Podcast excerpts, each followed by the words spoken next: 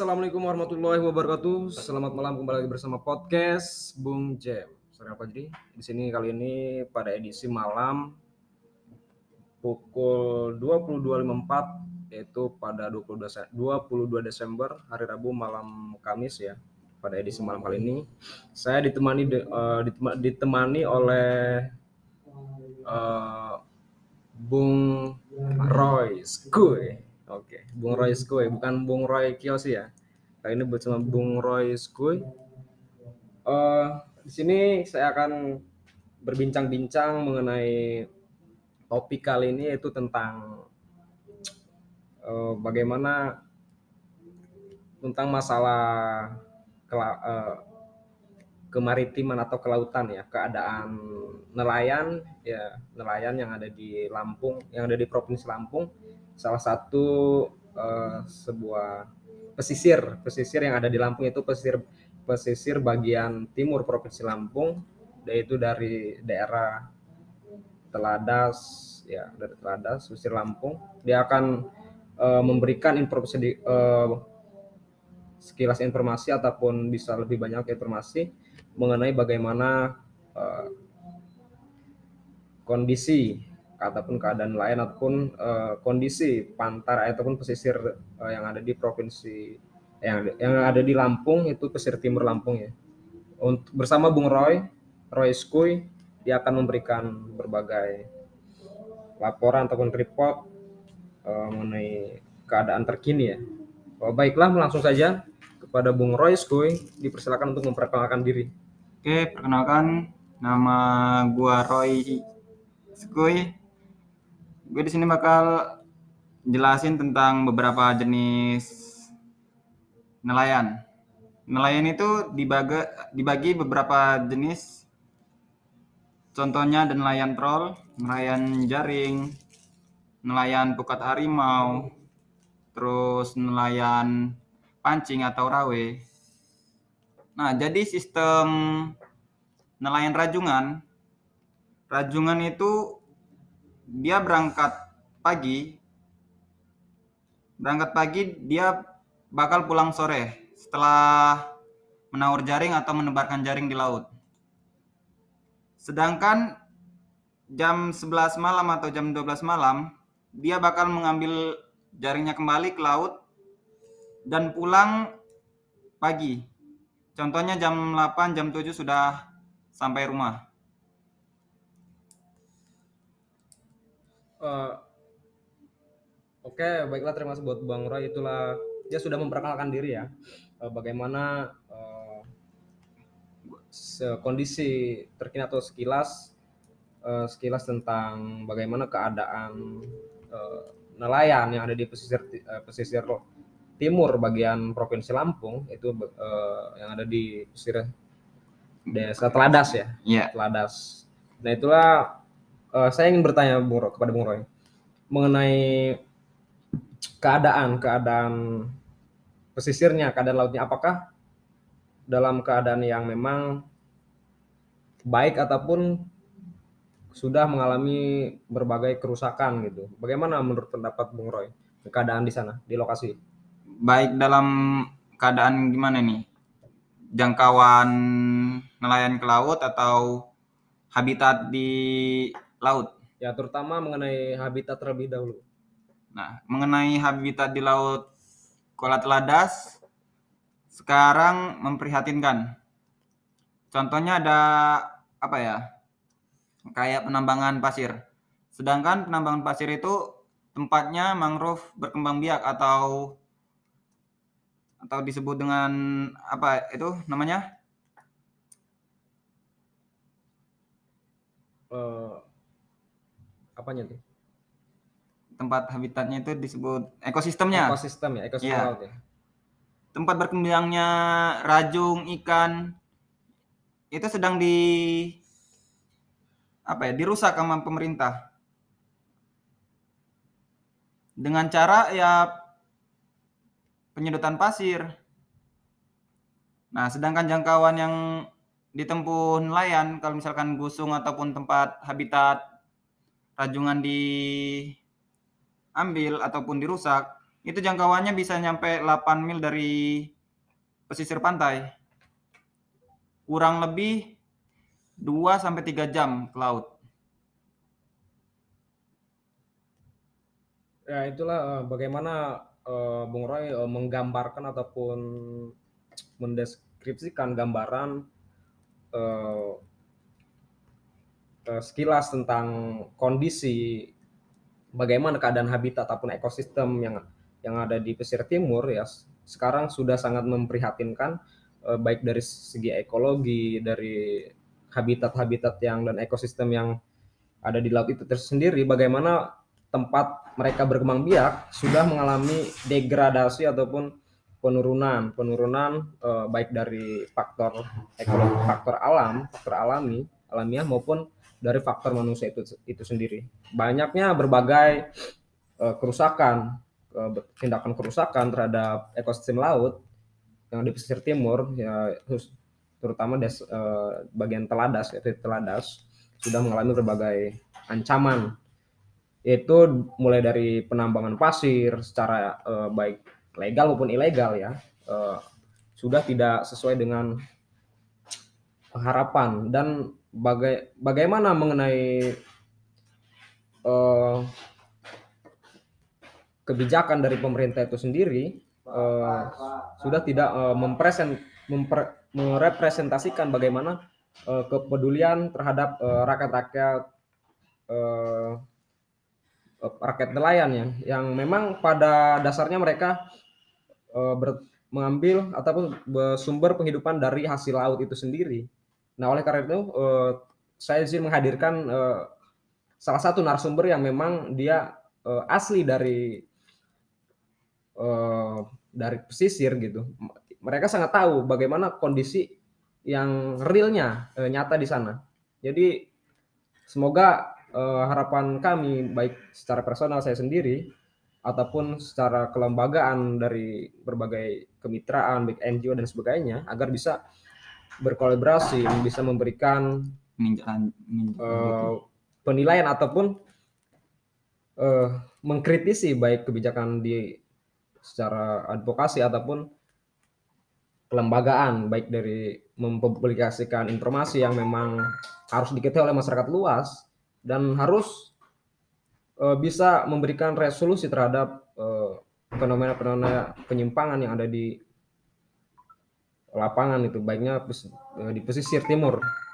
Uh, mengenai kondisi nelayan di sana uh, sudah adakah uh, pendampingan ataupun uh, sosialisasi mengenai bagaimana nelayan bisa bisa mengelola uh, dengan bijak dari uh, potensi yang dimiliki sumber daya alam di sana uh, mengenai bagaimana cara pengelolaan nelayan di sana pada Bung Roy dipersilakan bagaimana tanggapan pengelolaan hasil tangkap iya oke okay. pengelolaan hasil tangkap itu dibagi beberapa jenis ada pembina ada bos dan nelayan bebas nelayan pembina itu nelayan bersangkutan hutang ataupun bon kepada bos tersebut untuk berangkat ke laut ataupun disebut dengan ramsum. Nah, sedangkan nelayan mandiri ataupun nelayan bebas itu tidak tersangkut dengan hutang. Jadi setelah dia pulang dari laut, tidak ada tidak akan ada potongan dari bos ataupun pembina. Nah, sedangkan yang ada hutang dari pembina, ia bakal dipotong per kilo. Dan sedangkan per kilo dalam pembina ataupun bos, dari harga 100.000 menjadi 80 sampai 85. Oke, saya kembalikan kepada Bung. Oke, terima kasih buat hmm. Bung Roy Skui uh, mengenai uh, tanggapan ataupun laporan bagaimana uh, kondisi nelayan di sana uh, mengenai pengelolaan hasil hasil laut itu sendiri bagaimana uh, mereka masih adanya keterikatan uh, keterikatan transaksi kepada uh, yang mempunyai wewenang di sana itu yaitu ada salah satu sebutannya sebagai pembina. Bagaimana seorang uh, dari pembina itu mereka sangat mendominasi ataupun memonopoli dari market ataupun pasar alur pasar di, di, di lapangan ataupun di yang ada di pesisir timur itu sendiri itu bisa ada yang memang uh, nelayan itu uh, nelayan yang masih keterikatan ataupun uh, terikat oleh seorang pembina dan mereka sangat ketergantungan uh, dengan adanya bond ataupun hutang, uh, hutang. karena untuk uh, modal mereka melaut, melaut dan akhirnya mereka uh, tidak mau tidak mau mereka uh, mengkasbon atau menghutang untuk uh, transport uh, melaut gitu. Jadi dari tipe-tipe nelayan yang sudah disebutkan yaitu adanya nelayan yang memang nelayan masih ketergantungan terhadap pembina ataupun nelayan dam, pendam, apa, pendampingan ya dan nelayan nelayan ada juga nelayan yang mandiri di situ.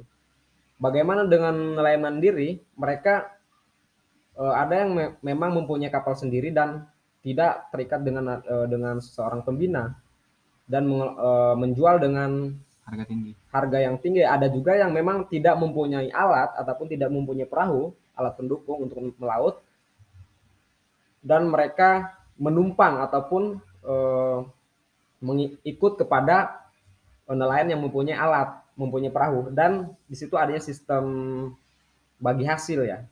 Adanya ya. sistem potongan, potongan dari hasil tangkap mereka dari akumulasi total dipotong sekitar berapa persen itu sih. Per, bisa contohnya per kilo. Per kilo dari harga per kilo contohnya 15.000 dipotong eh dengan harga apa?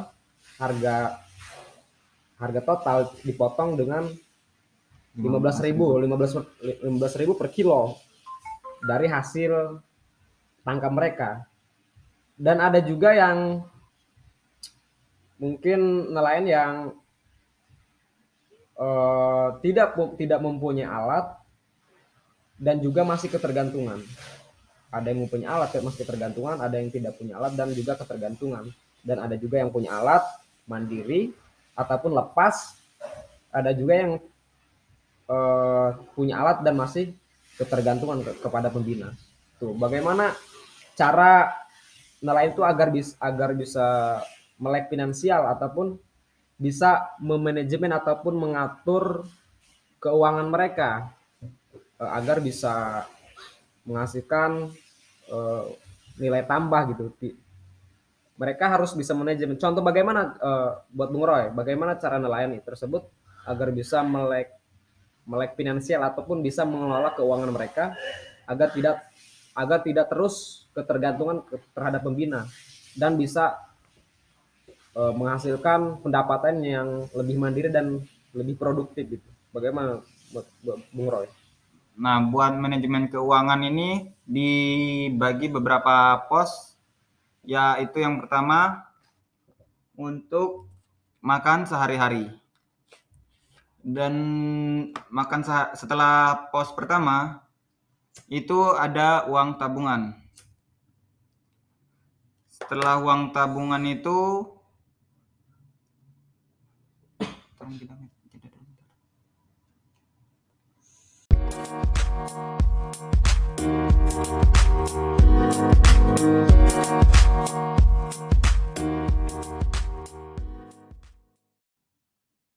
Oke lanjut mengenai perbincangan mengenai bagaimana uh, itu tidak sejahtera kasus yang telah disebutkan oleh Bung Roy. Banyak berbagai faktor gitu contohnya contoh yang disebutkan faktor internal dari nelayan itu sendiri. Sehingga mereka tidak sejahtera itu faktor dari bagaimana mereka memanajemen keuangan dari hasil perolehan atau pendapatan mereka melaut. Contoh dari yang telah disebutkan contohnya dari satu juta gitu. Mereka gunakan itu uang itu gali lubang tutup lubang gitu contohnya.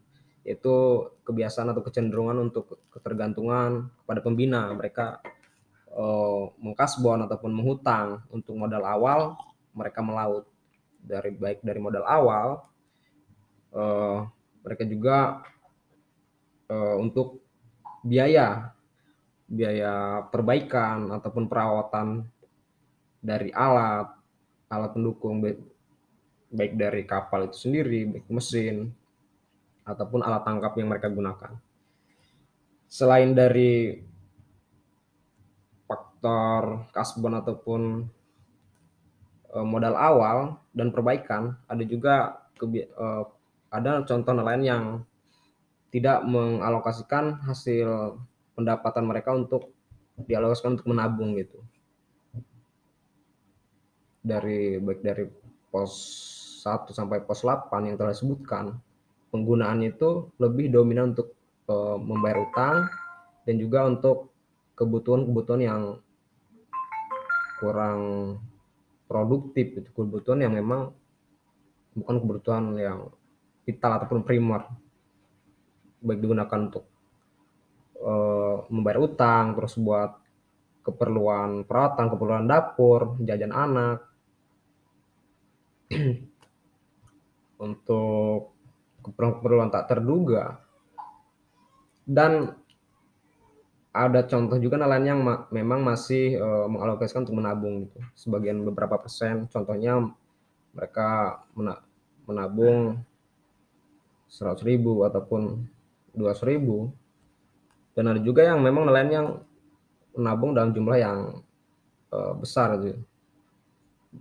Sekitar berapa persen dari total pendapatan mereka. Ya, jadi itulah eh, contoh kasus ataupun studi kasus mengenai bagaimana nelayan mengelola ataupun manajemen keuangan mereka dari faktor kenapa mereka tidak sejahtera gitu. Uh, untuk Bung Roy boleh sebutkan tipe-tipe nelayan gitu uh, nelayan yang memang ada hubungannya dengan kesejahteraan lain itu sendiri. Tipe-tipe nelayan yang bisa dalam manajemen atau mengolah keuangan mereka di laut gitu. Oke, buat Roy. Tipe-tipe nelayan. Hmm. Tipe-tipe nelayan ada nelayan yang ram apa alat tangkapnya atau gimana ini? tiba-tiba mereka mengelola mengelola mengelola hasil hasil tangga mereka baik contohnya uh, nelayan yang ketergantungan kepada pembina ada juga kan dan tipe tipe nelayan yang lainnya oke okay. jadi tipe-tipe nelayan rajungan nelayan rajungan itu dibagi beberapa tipe contohnya ada yang nelayan memiliki memiliki pembina dan ada juga nelayan mandiri ada nelayan yang memiliki jaring tapi tidak memiliki perahu, tapi ia tidak tidak bersangkutan kepada pembina. Ada juga nelayan yang memiliki perahu tapi tidak memiliki jaring. Ada juga nelayan memiliki jaring tapi hasil bagi dua. Contohnya kayak ya orang tua saya sendiri. Jadi ia menitipkan jaring kepada pemilik perahu dan hasilnya itu ia bakal bagi dua terhadap pemilik apa terhadap pemilik perahu tersebut. Ya. Ya, itulah beberapa tipe nelayan dalam memanajemen keuangannya juga. Tipe-tipe nelayan telah disebutkan dari oleh Bung Roy itu sangat berpengaruh terhadap kesejahteraan lain itu sendiri ya. Bagaimana mereka bisa melek finansial ataupun paham mengenai pengaturan keuangan itu ada juga nelayan yang masih ketergantungan terhadap pembina, ada juga nelayan yang mandiri ataupun nelayan yang lepas gitu. Oke, terima kasih mengenai pembahasan tipe-tipe nelayan. Kita lanjut tadi kan telah disebutkan dari faktor internal ataupun faktor nelayan itu sendiri. Sekarang kita eh, bagaimana faktor selain faktor internal itu adanya faktor eksternal dari yang menyebabkan mereka tidak sejahtera gitu. Uh, mengenai pendapat uh, boleh Bung Roy untuk berkomentar faktor eksternal nelayan sehingga mereka tidak sejahtera ataupun mengurangi hasil tangkap mereka dari faktor luar selain faktor pengelolaan keuangan mereka. Oke, buat Bung Roy. Jadi faktor eksternal ya? Ya. Faktor eksternalnya dari manajemen keuangan nelayan rajungan ataupun nelayan rajungan ini tidak sejahtera. Itu ada beberapa tipe contoh kayak contoh dari alat tangkap. Alat tangkapnya dapat menyebabkan kerusakan terumbu karang. Nah, contoh alat tangkap yang tidak sejahtera itu ada troll, Ya, ada pukat harimau, Ya. dan ada yang disebut juga dengan sondong. Nah, jadi sistem nelayan troll itu dari permukaan dari dasar laut itu ia bakal menggusur habis apa yang ada di bawah dasar laut itu tersebut. Hmm. Jadi terumbu karang ataupun hewan-hewan kecil lainnya juga ikut tertangkap. Ya. Jadi itu salah satu penyebab dari kerusakan ekosistem laut. Ya. Jadi nelayan rajungan itu tidak sejahtera.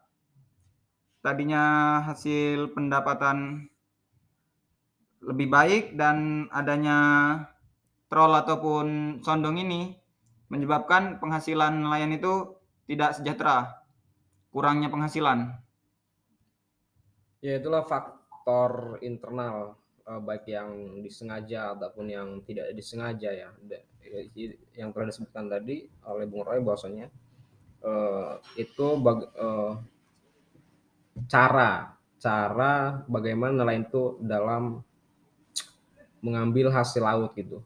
Itu ada beberapa yang disebutkan tadi bahwasanya dengan cara yang tidak tidak Lingkungan. bijak ataupun tidak ramah lingkungan ya sehingga hal tersebut bisa mempengaruhi eh, kesejahteraan ataupun hasil tangkap dari nelayan itu sendiri Eh, dengan eh, cara yang salah tidak bijak ataupun tidak ramah lingkungan itulah yang telah kita sebutkan dari faktor kesejahteraan baik secara internal dari pengelolaan manajemen keuangan dan juga faktor eksternal baik yang secara yang disengaja atau tidak disengaja eh, bagaimana mereka cara mereka eh, menggali hasil laut. Eh, oleh karena itu kasus yang telah kita bahas yang telah disebutkan oleh narasumber dari Bung Roy dari asli nelayan itu sendiri yang mereka melihat di lapangan ya eh, kasus ataupun fenomena di lapangan. Jadi itu bisa menyebabkan taraf ataupun kesejahteraan nelayan itu sendiri. Secara baik secara ekonomi, secara sosial. Eh, lanjut dari pembahasan manajemen kesejahteraan. Lanjut ke keadaan, keadaan kondisi laut ataupun biota laut ekosistem di lapangan. Bagaimana? Apakah sudah ada solusi gitu? Solusi baik secara pengelolaan baik adanya pendampingan ataupun dari kebijakan pemerintah gitu. Bagaimana pendapat Bung Roy mengenai hal tersebut apakah sudah ada solusi dari hal permasalahan ataupun kasus yang telah disebutkan tadi Nah. baik dari pemerintah ataupun, Ataupun dari, dari lembaga lembaga. terkait gitu mengenai hal tersebut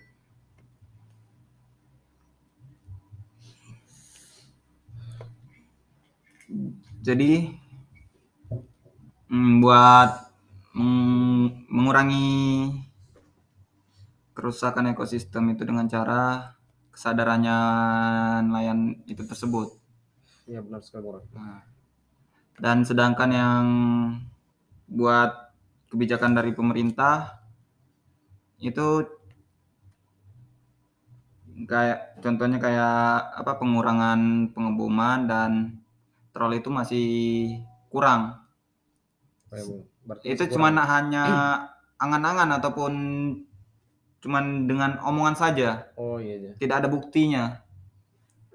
Nah, jadi nelayan itu apa ya? Ti- Oke. Eh, tadi yang telah disebutkan oleh Bung Roy bahwasanya mengenai kondisi ataupun keadaan eh, biota laut ataupun ekosistem laut itu eh, belum adanya eh, kepastian kepastian penindaklanjutan penindaklanjutan dari solusi bagaimana untuk mengurangi kerusakan terhadap biota eh, laut biota laut dan ekosistem laut itu belum adanya kepastian hukum ataupun kebijakan dari pemerintah belum terrealisasi gitu. dan kesadaran masyarakat Dan itu salah satu faktor pun itu dari kesadaran ma- Mas- masyarakat itu sendiri gitu. Selain dari kesadaran dari pem- pemangku kepentingan ataupun kebijakan pemerintah eh, terkait eh, kelautan gitu ataupun kemaritiman. Dan bagaimana eh, mengenai sosialisasi ataupun pendampingan dari lembaga terkait? Apakah sudah ada ataupun sudah terrealisasi dilakukan? Bagaimana contohnya dilakukan? contoh KUB ataupun pendampingan dari pemerintahan Ya, dari pemerintah maupun lembaga terkait gitu. Ataupun Jadi- non pemerintah. Dari pemerintah itu tidak ada respon ataupun tidak ada jawaban Oh iya, tidak ada jawaban untuk sekarang. sampai sekarang. Dari lembaga non pemerintah ataupun NGO. NGO kalau NGO itu sedang memproses penindaklanjutan apa pendalaman alur sungai ataupun pengerukan pasir yang terjadi saat ini di lingkungan Teladas. Oke, terima kasih buat Moroy. Eh, telah disebutkan bahwasanya tadi eh, belum adanya tindak lanjut dari pemerintah terhadap hal tersebut dan sudah ada dari pendampingan dari NGO ataupun lembaga terkait mengenai perikanan ataupun pengelolaan eh, nilai tangkap yang ada di pesisir timur Provinsi Lampung. Sudah ada itu dari contoh dari contoh lembaga yang sudah memberikan pendampingan apa itu Bang Roy? Contoh dari lembaga pendampingan itu ataupun CO di dari kantor Mitra Bentala Oh iya, yang sedang memproses apa penindaklanjutan terhadap penambangan pasir ataupun pendalaman alur. oke sangat luar biasa ya. Alhamdulillah ya sudah sudah ada lembaga terkait atau NGO yang sudah peduli terhadap hal tersebut permasalahan laut yang ada di provinsi eh, Lampung yaitu khususnya pesisir timur Lampung ya, yaitu di Teladas ya, Eh. Teladas. Jadi kami jadi kami masyarakat Kampung Kuala Teladas berterima kasih Kak, terhadap Mitra Bentala telah sukarela untuk membantu masyarakat Kampung Teladas. Oke luar biasa ya. Eh, semoga hal tersebut bisa terus berlanjut eh, dengan adanya pendampingan sehingga masyarakat bisa terus belajar dan terus eh, mandiri gitu, bisa mengelola dengan bijak bagaimana mereka bertumbuh terhadap mata pencarian mereka itu sendiri dengan dengan pengolahan hasil laut gitu, sehingga mereka bisa sejahtera secara mandiri gitu, tidak ketergantungan terhadap program pemerintah. Oke, terima kasih buat Bung Roy eh, sebagai narasumber yang memang asli dari bagian dari nelayan itu sendiri. Semoga harapan saya atau saya personal dan juga harapan kita semua, semoga kesejahteraan nelayan bisa dapat terwujud, dapat terlaksana, terrealisasi secara nyata gitu, sehingga tidak adanya eh, Kerusakan. kerusakan ataupun ketimpangan sehingga eh, nelayan itu bisa sejahtera gitu sesuai dengan asas kemanusiaan dan keadilan kesemarataan gitu. Memperoleh kesejahteraan keadilan dari hasil laut dan juga dari upaya mereka gitu. Oke terima kasih. Itulah sedikit pemaparan pemaparan dan bincang-bincang mengenai kondisi nelayan rajungan yang ada di pesisir timur Provinsi Lampung ataupun di pulau-pulau kecil yang lainnya semoga bisa terus bangkit gitu. Bisa mengelola hasil laut dengan bijak sehingga mereka bisa sejahtera secara mandiri gitu. Oke. Terima kasih buat semuanya. Saya terima kasih juga buat Bung Roy dan buat teman-teman yang sudah berjuang gitu. Saya hari kurang leb- kurang dan lebihnya mohon maaf. Saya minta kepada Allah SWT. Saya akhiri wabillahi taufiq- taufiq walhidayah. Wassalamualaikum warahmatullahi wabarakatuh. Lanjut ke bisa ke ke topik-topik berikutnya yang menarik. Oke. Kita tunggu Next time. next time guys. Oke. Salam.